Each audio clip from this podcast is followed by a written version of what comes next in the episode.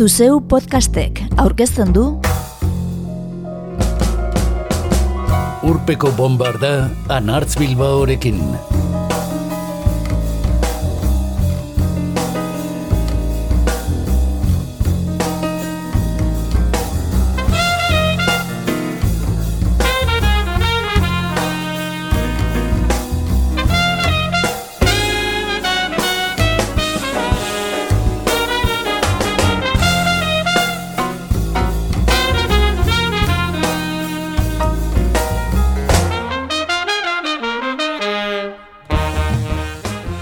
Urpeko bombardan gaur Janis Joplin zenari monografikoa eskainiko diogu. Pearl, LP goraipatuak menderdia bete duen honetan. Mila bederatzi da irurogeita maika musika gintzarako urtea aparta izan zela eta aurten berrogeita urte bete dituzten diskoekin saioa osatu genuenean, zerrendatik kanpo utzi genuen Janis Joplinen Pearl, lan postumoa, besteak beste eta orain berreskuratu gura dugu. Maiatzean plazaratzekoa zen eta ustailera atzeratu den berredizioa aitzakia hartuta. Pearl 50 Anniversary Edition lan berezia izango da. Eunda larogei gramoko vinilo bikoitza, sortzi mila aleko edizio mugatuan. Orain dik erosi ezin bada ere jada eskadezakezuna, entzule. Erosle bakoitzak gehienez bi ale, bakoitza eunda hogeita bost euroren truke. Gaurko zainoan beraz, Janis Joplin entzungo dugu, jakina. Eta ez bakarrik perl lanean. Aparte, baita Raul Refri, Fermin Muguruza eta Iseo, Bee Gees, Big Mama Thornton, Gabinete Galigari, Country Joe and the Fish, eta Javier Muguruza ere. Azken hau Leonard Cohen berrirakurriz. Honegin. Mila bederatzi deunde irurogeita amaikako urtarliaren amaikan argitaratu zen Pearl. Janis Joplinen bakarkako bigarren eta azken lana. Aurretik baina, argitaratuak zituen beste bi Big Brother and the Holding Company taldearekin. Hau esekin nabarmendu zen Janis Joplin. Besteak beste Peace of My Heart kantuari esker.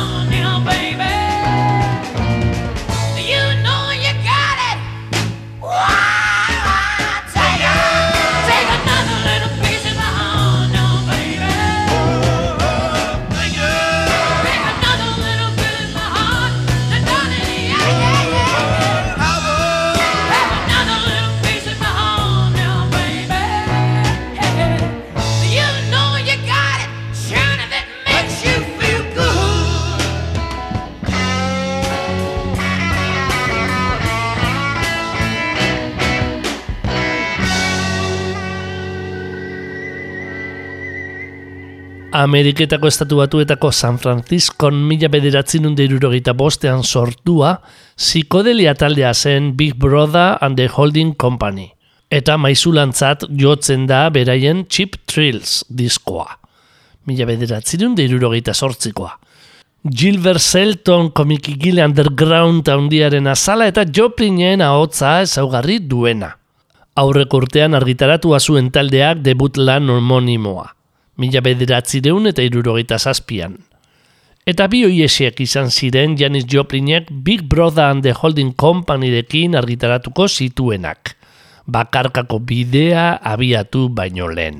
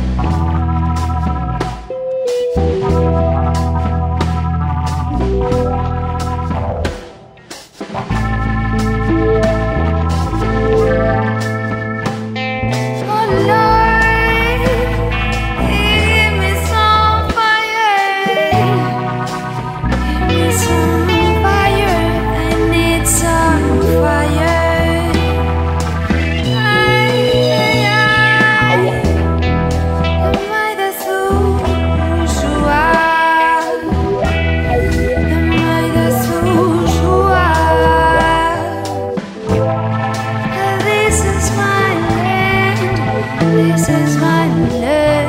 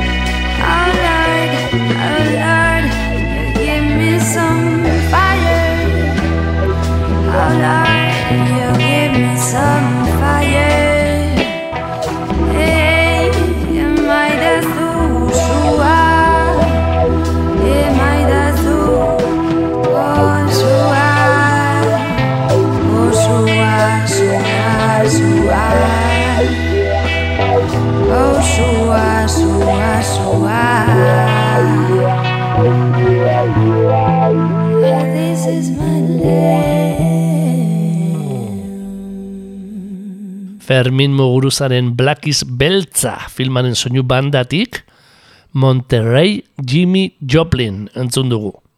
Zuzendariarekin batera Raul Refrik eta Iseok emana. Guztokeko jaialdia sonatuagoa bada ere, honen aurrekaria izan zen Monterreykoa. Mila bederatzen unde irurogeita zazpiko iru egunez, berrogeita mar mila lagun bildu zituena. Badakizue, hippien garaiko musikari handiek jo zuten bertan eta gehien nabarmendu zirenen artean zeuden Jimi Henrich, bai entzule. bertan eman zion zu gitarrari, eta Janis Joplin. Horratx, entzun berri dugun kantuaren esan aia. Monterrey, Jimmy Joplin. Monterrey nabestu zuenean, Big Brother and the Holding Company taldeko kantaria zen Janis Joplin. Bertan izandako arrakastaren beroan, debut lana plazaratuko zuen taldeak Mainstream Records zigiluan. Mila bederatzen derurogita zazpiko abustuan. Handik gutxira Columbia etxearekin sinatu zuten. Eta diskoa berrargitaratu. Honakoan Janis Joplinen izena azalera ekarrita eta bi kantu gehituta.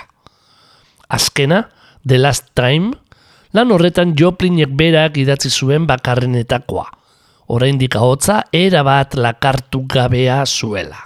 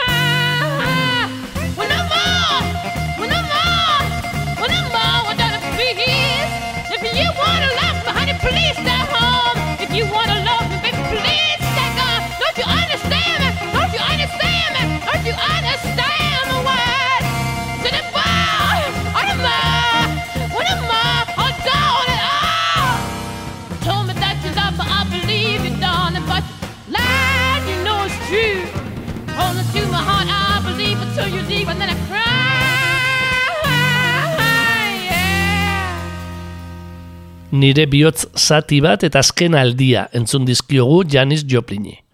Berak idatzi azken hau. Eta Emma Franklinek kantatua lehenengoa. Areta Franklinen aizpak. Izan ere, besten kantuak bere egiteko agertu zuen gaitasuna dugu Janis Joplinen ezaugarri azpimarra garrienetako bat. Gerosiago entzungo dugun Big Mama Thorntonen Ball and Chain, Billie Holidayren Summertime, Lorraine Ellisonen Try, Just a Little Bit Harder, The Chantelsen Maybe, berrirakurketak dira. Baita per diskoko Cry Baby, Garnet Means eta The Enchantersena, Trust Me, Bobby Womakena, edo Me and Bobby McGee, Chris Christophersonena. Naiz eta Janis Joplinen bertzioan, jatorrizkoan baino ezagunagoak izan. Hain zuen kantaera gartzua, Latinoamerikan sorgin kosmikoa deitu zuten kantariak. Mila bederatzen derurogeita bederatziko I Got Them All Cosmic Blues Again Mama izeneko debut lanean, Janis Joplinek Bee Gees taldearen To Love Somebody ere bertzioneatu zuen. Biak entzungo ditugu errenkadan. Jatorrizko aurrena, Barry eta Robin Gibbs anaiek mila bederatzen dirurogeita zazpian idatzia, eta Janis Joplinek kantatua gero. Ea zein duzun nahiago.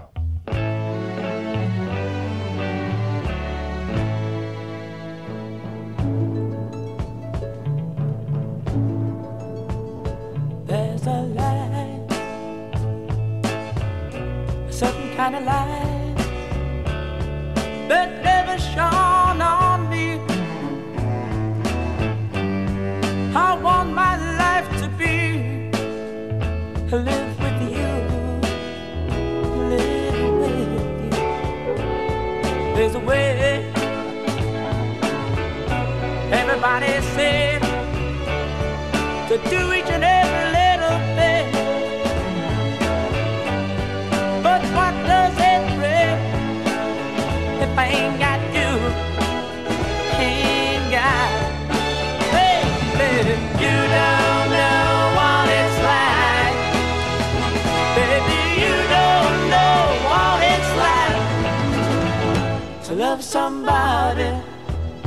to love somebody the way I love you.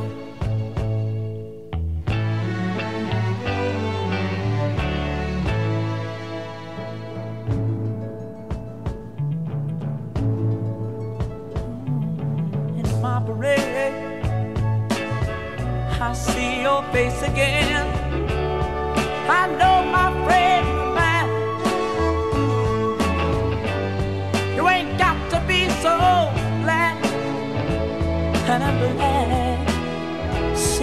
So, so, glad I'm a man. Can't you see what I am? I live and I breathe for you. But what good does it do if I ain't got you? Ain't got you, baby. You don't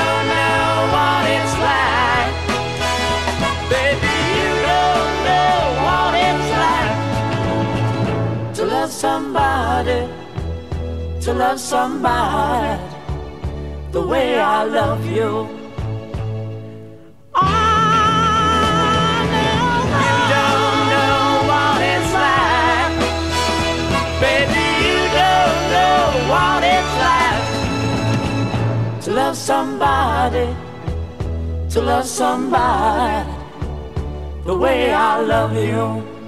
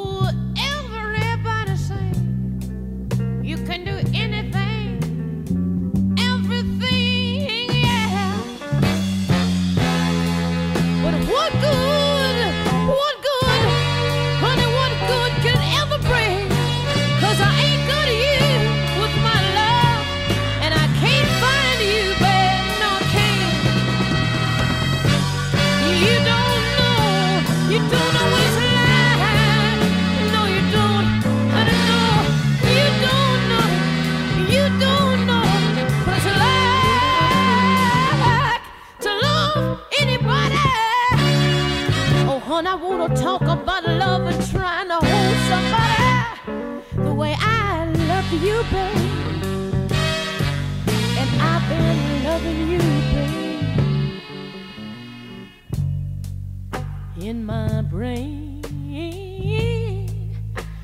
Oh, I can see your face again. I know my frame of mind. Yeah. Nobody, nobody has to ever be so blind, honey, like I did. I know I was blind, and I tell you that I was. I was very, very blind. Girl. Can't you just take a look at me and tell? Tell that I live, honey, I live and I breathe for you. Don't you know I do? But good, what good,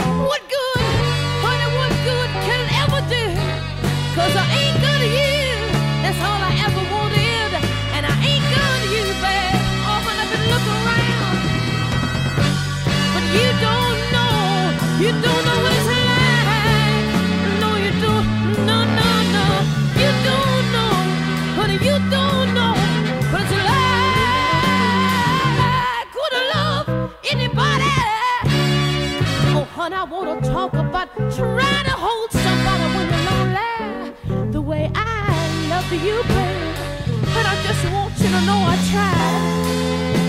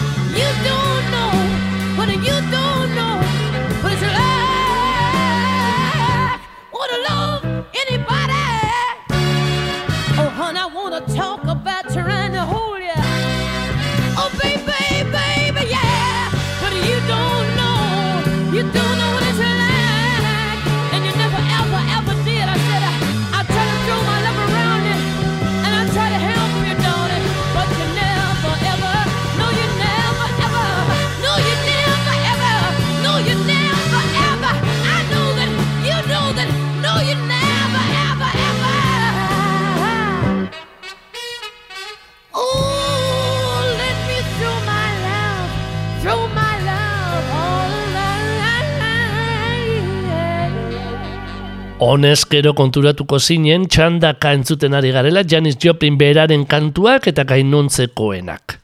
Horrela egingo dugu saioa bukatu arte. Hemendik aurrera, Pearl diskoko kantuak entzungo dizkiogu Joplini. Lau guztira. Eta bere omenez plazaratutako kantuak entzungo ditugu beste artista batzuen ahotzean. Aurretik baina, lehen aipagai izan dugun Big Mama Thorntonen Ball and Chain, blues ederra entzungo dugu. Joplinek Monterrein zuzenean jo eta ospetsu egin zuena.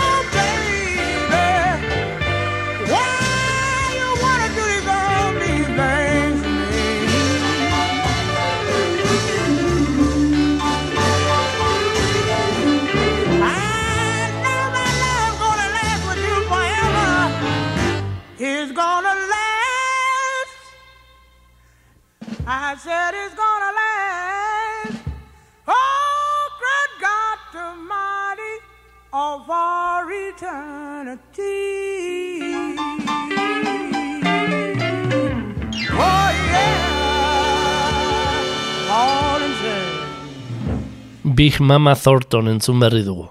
Rollaren emakumea itzindari eta gaur protagonista dugun kantariaren ereduetako bat. Eta Pearl laneko kantuak entzuten hasi baino lehen, 2008ko urriaren lauan, Janis Joplin hil zeneko berrogeita margarren urte urrenean, Mikel Lizarralde kasetariak berria egunkarian idatzi zuen bizirik erretako ahotza dugu aurkezgai.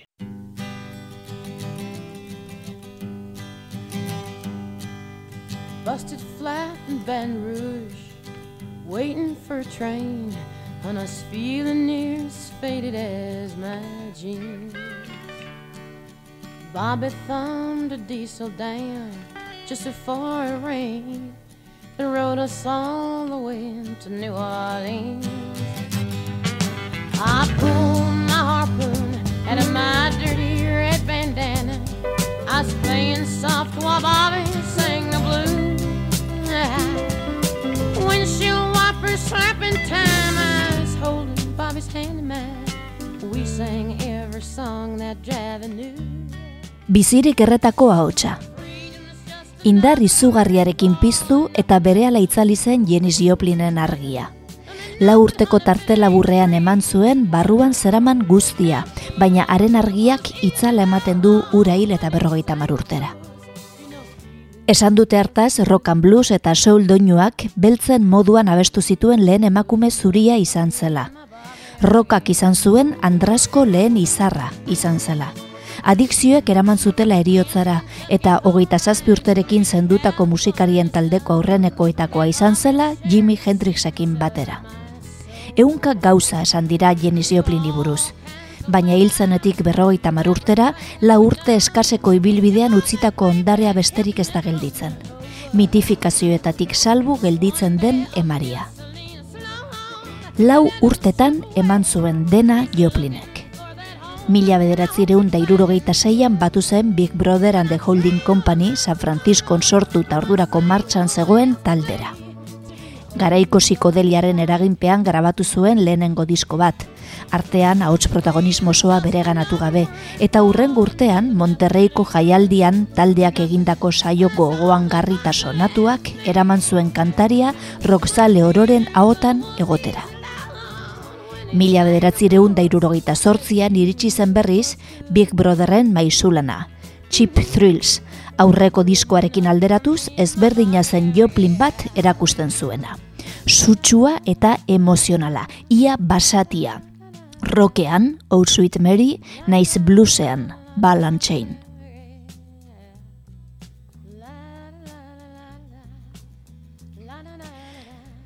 Handik aurrera, Big Brotherrek Joplin gabe egin zuen aurrera. Kantariak soulerako jauzia egin nahi zuen, baina taldeak ez zuen oinarririk. Aize konponketa ugarirekin eta Cosmic Blues bandekin grabatu zuen I Got Them All Cosmic Blues Again Mama, mila bederatzireun da irurogeita eta jarraian eta olatuaren aparretan zegoela Pearl. Pearl diskoa grabatzera sartu zen estudiora mila beratzireun da irurogeita marrean. Han eman zuen agian bere onena kantariak, bere ahotsa erregistro ugaritara eramanez, kantu bilduma bikaina sostengu zuela. Cry Baby, A Woman Left Lonely, Chris Christophersonen Me and Bobby McGee Countrya, Get It While You Can, Zoritxarrez, etzen diskoa amaitzera iritsi. Buried Alive in the Blues, ahotsik gabe atera zen. Mila bederatzirun da irurogeita marreko urriaren lauan hil baitzen Hollywoodeko hotel batean.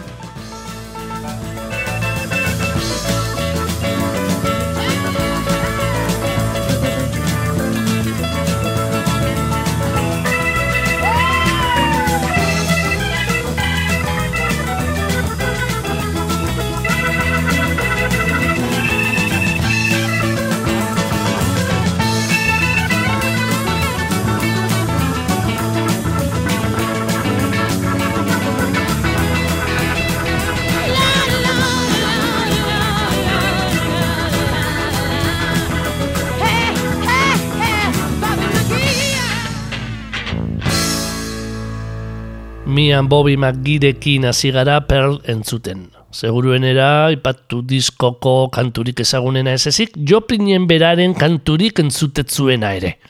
zerrenden gailurrean izan zuen bakarra. Janis Joplinen goitizena ere ba omen zen perla, eta bukatu gabe utzitako diskoa perl, amarkantu eta hogeita malau minutukoa. Buri eta Life in the Blues instrumentala tarteko, kantariaren eriotza medio ahotsak grabatu gabe gelditu baitziren. Mila bederatzen dut irurogeita marko urriaren lauan hil zen Janis Joplin. Eta hiru hilabete geroago, mila bederatzen dut irurogeita maikako urtarrilaren amaikan argitaratu zen Perl, sekulako arrakastarekin. Gabinete Galigari Espainiar taldeak debut lan homonimoan plazaratu zuen Cuatro Rosas. Mila bederatzen dut dalarogeita lauan. Taldearen lehen arrakasta. Four Roses Bourbonari egiten omen dio referentzia. Horixe baitzen nahi izan zuten Janis Joplinek gusturuen edaten zuena.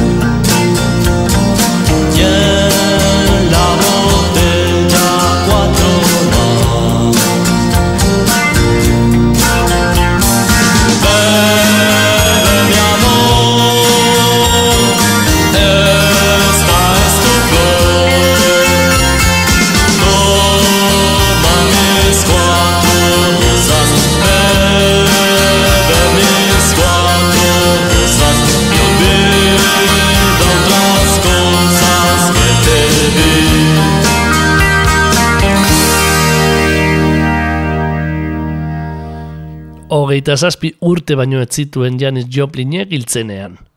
Jimi Hendrix, Jim Morrison, Kurt Cobain edo geroago Amy Winehousek bezala. Eta bakarkako bilan baino ez zituen argitaratu. Gerora bilduma zuzeneko eta berrargitalpen andana merkaturatu badira ere. Nahikoa, mundu mailako itzala erdietzi eta ilieskor bihurtzeko emakume txikia eta zaurgarria izen Janis Joplin, baina zirrara eragiten duen ahots mirezgarria zuena, basatia eta utzia. Cry Baby kantua dugu, akaso, horren adibiderik garbiena. Holtza gainean zegoenero, entzule zituen milaka lagunekin larrua jo, eta etxera gauero bakarrik itzultzen zela esaten eizuen Janis Joplinek.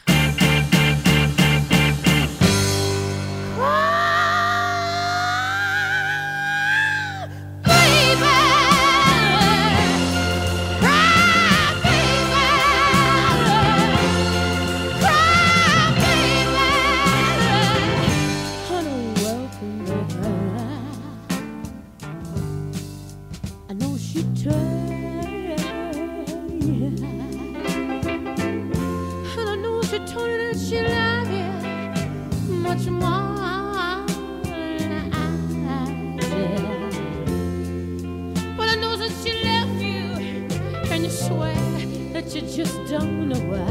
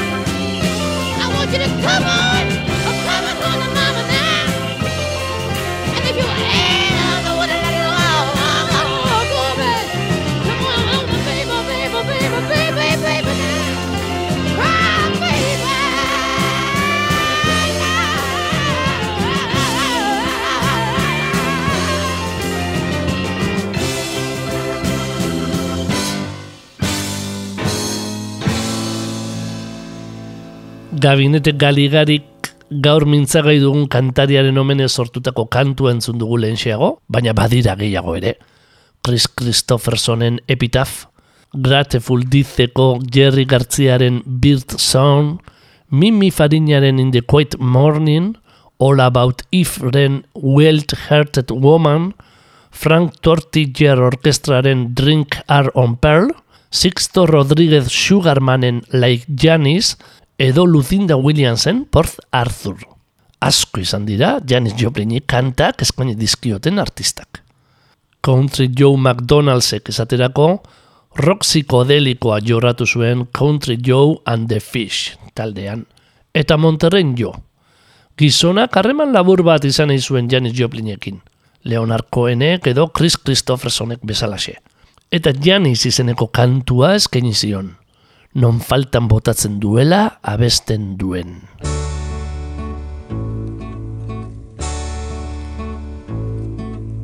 into my life on waves of electrical sound and flashing light she came into my life with the twist of a dial the wave of her hand warmth of her smile and even though I know that you and I could never find the kind of love we wanted together alone. I find myself missing you and I, you and I. It's not very often something special happens and you happen to be that something special for me. And walking on grass where we rolled and laughed in the moonlight, I find myself thinking of you and I, you and I, you. Into my eye comes visions of patterns, designs the image of her I see. Into my mind the smell of her hair, the sound of her voice we once were there. And even though I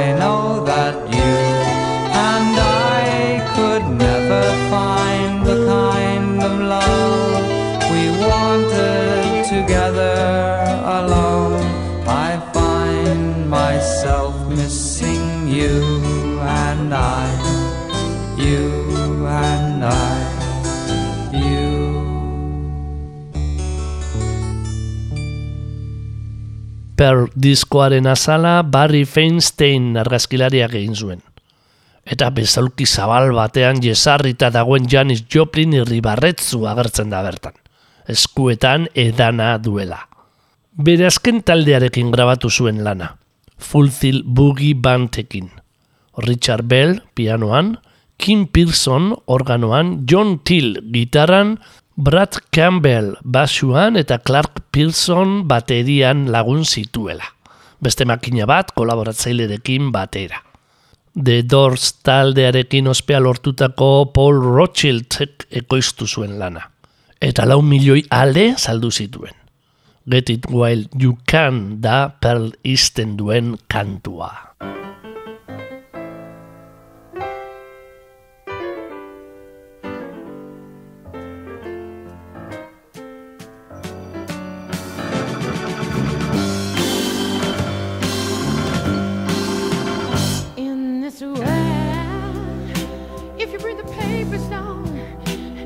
Everybody's fighting on with each other. You got no one you can count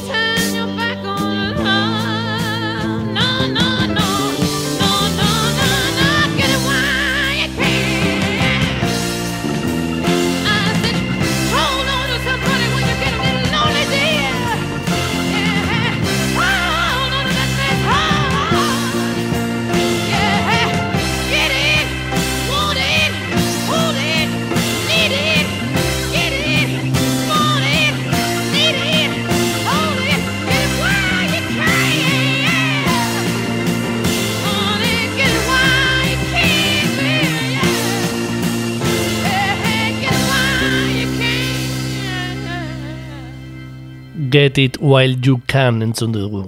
Pearl izten duen kantua. Baina ez Janis Joplinek grabatu zuen azkena.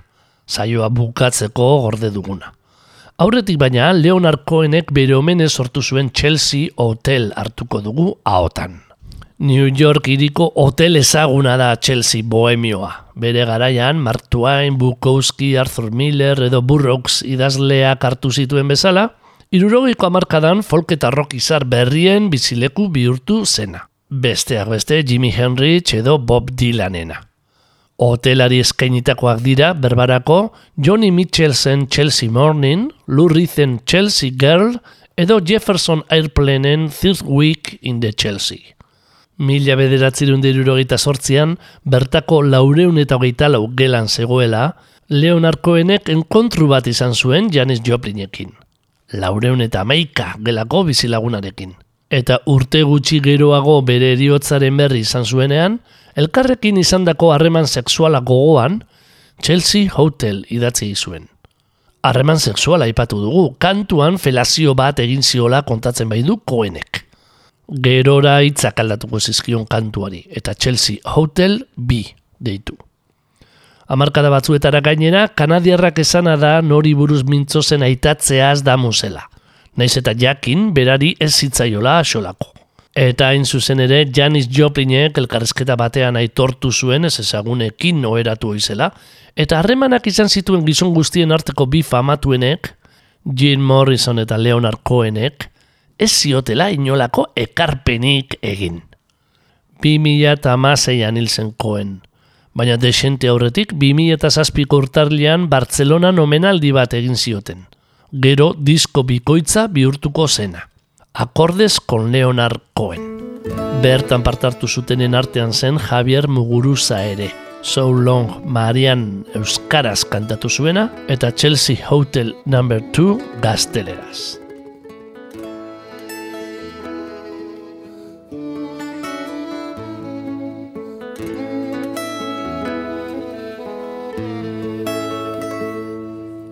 Recuerdo muy bien en el Chelsea Hotel. Nunca comías perdices, ángel del infierno, siempre en corcel. Las limusinas echaban raíces. Queríamos ser ricos, era Nueva York nuestro nombre en lo alto del cartel. Hippies, beatniks y obreros del rock, llegamos formando un tropel. Y contando hasta tres, saltaste del tren.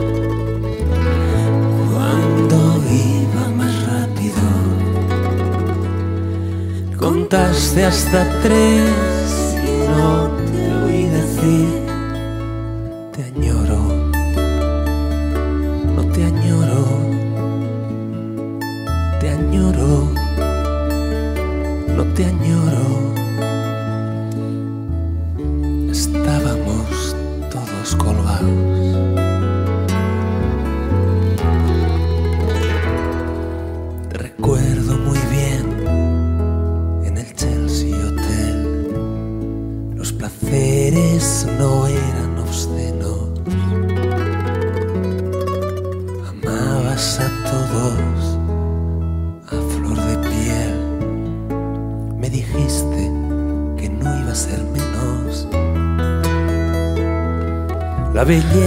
así, tan cruel como fiel.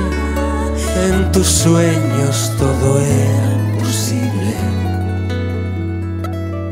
Escucha, dijiste, como un cascabel, la música nos hará libres. Y contando hasta tres, saltaste del tren cuando iba más rápido. Contaste hasta tres y no te oí decir, te añoro, te añoro, no te añoro, no te añoro, te añoro.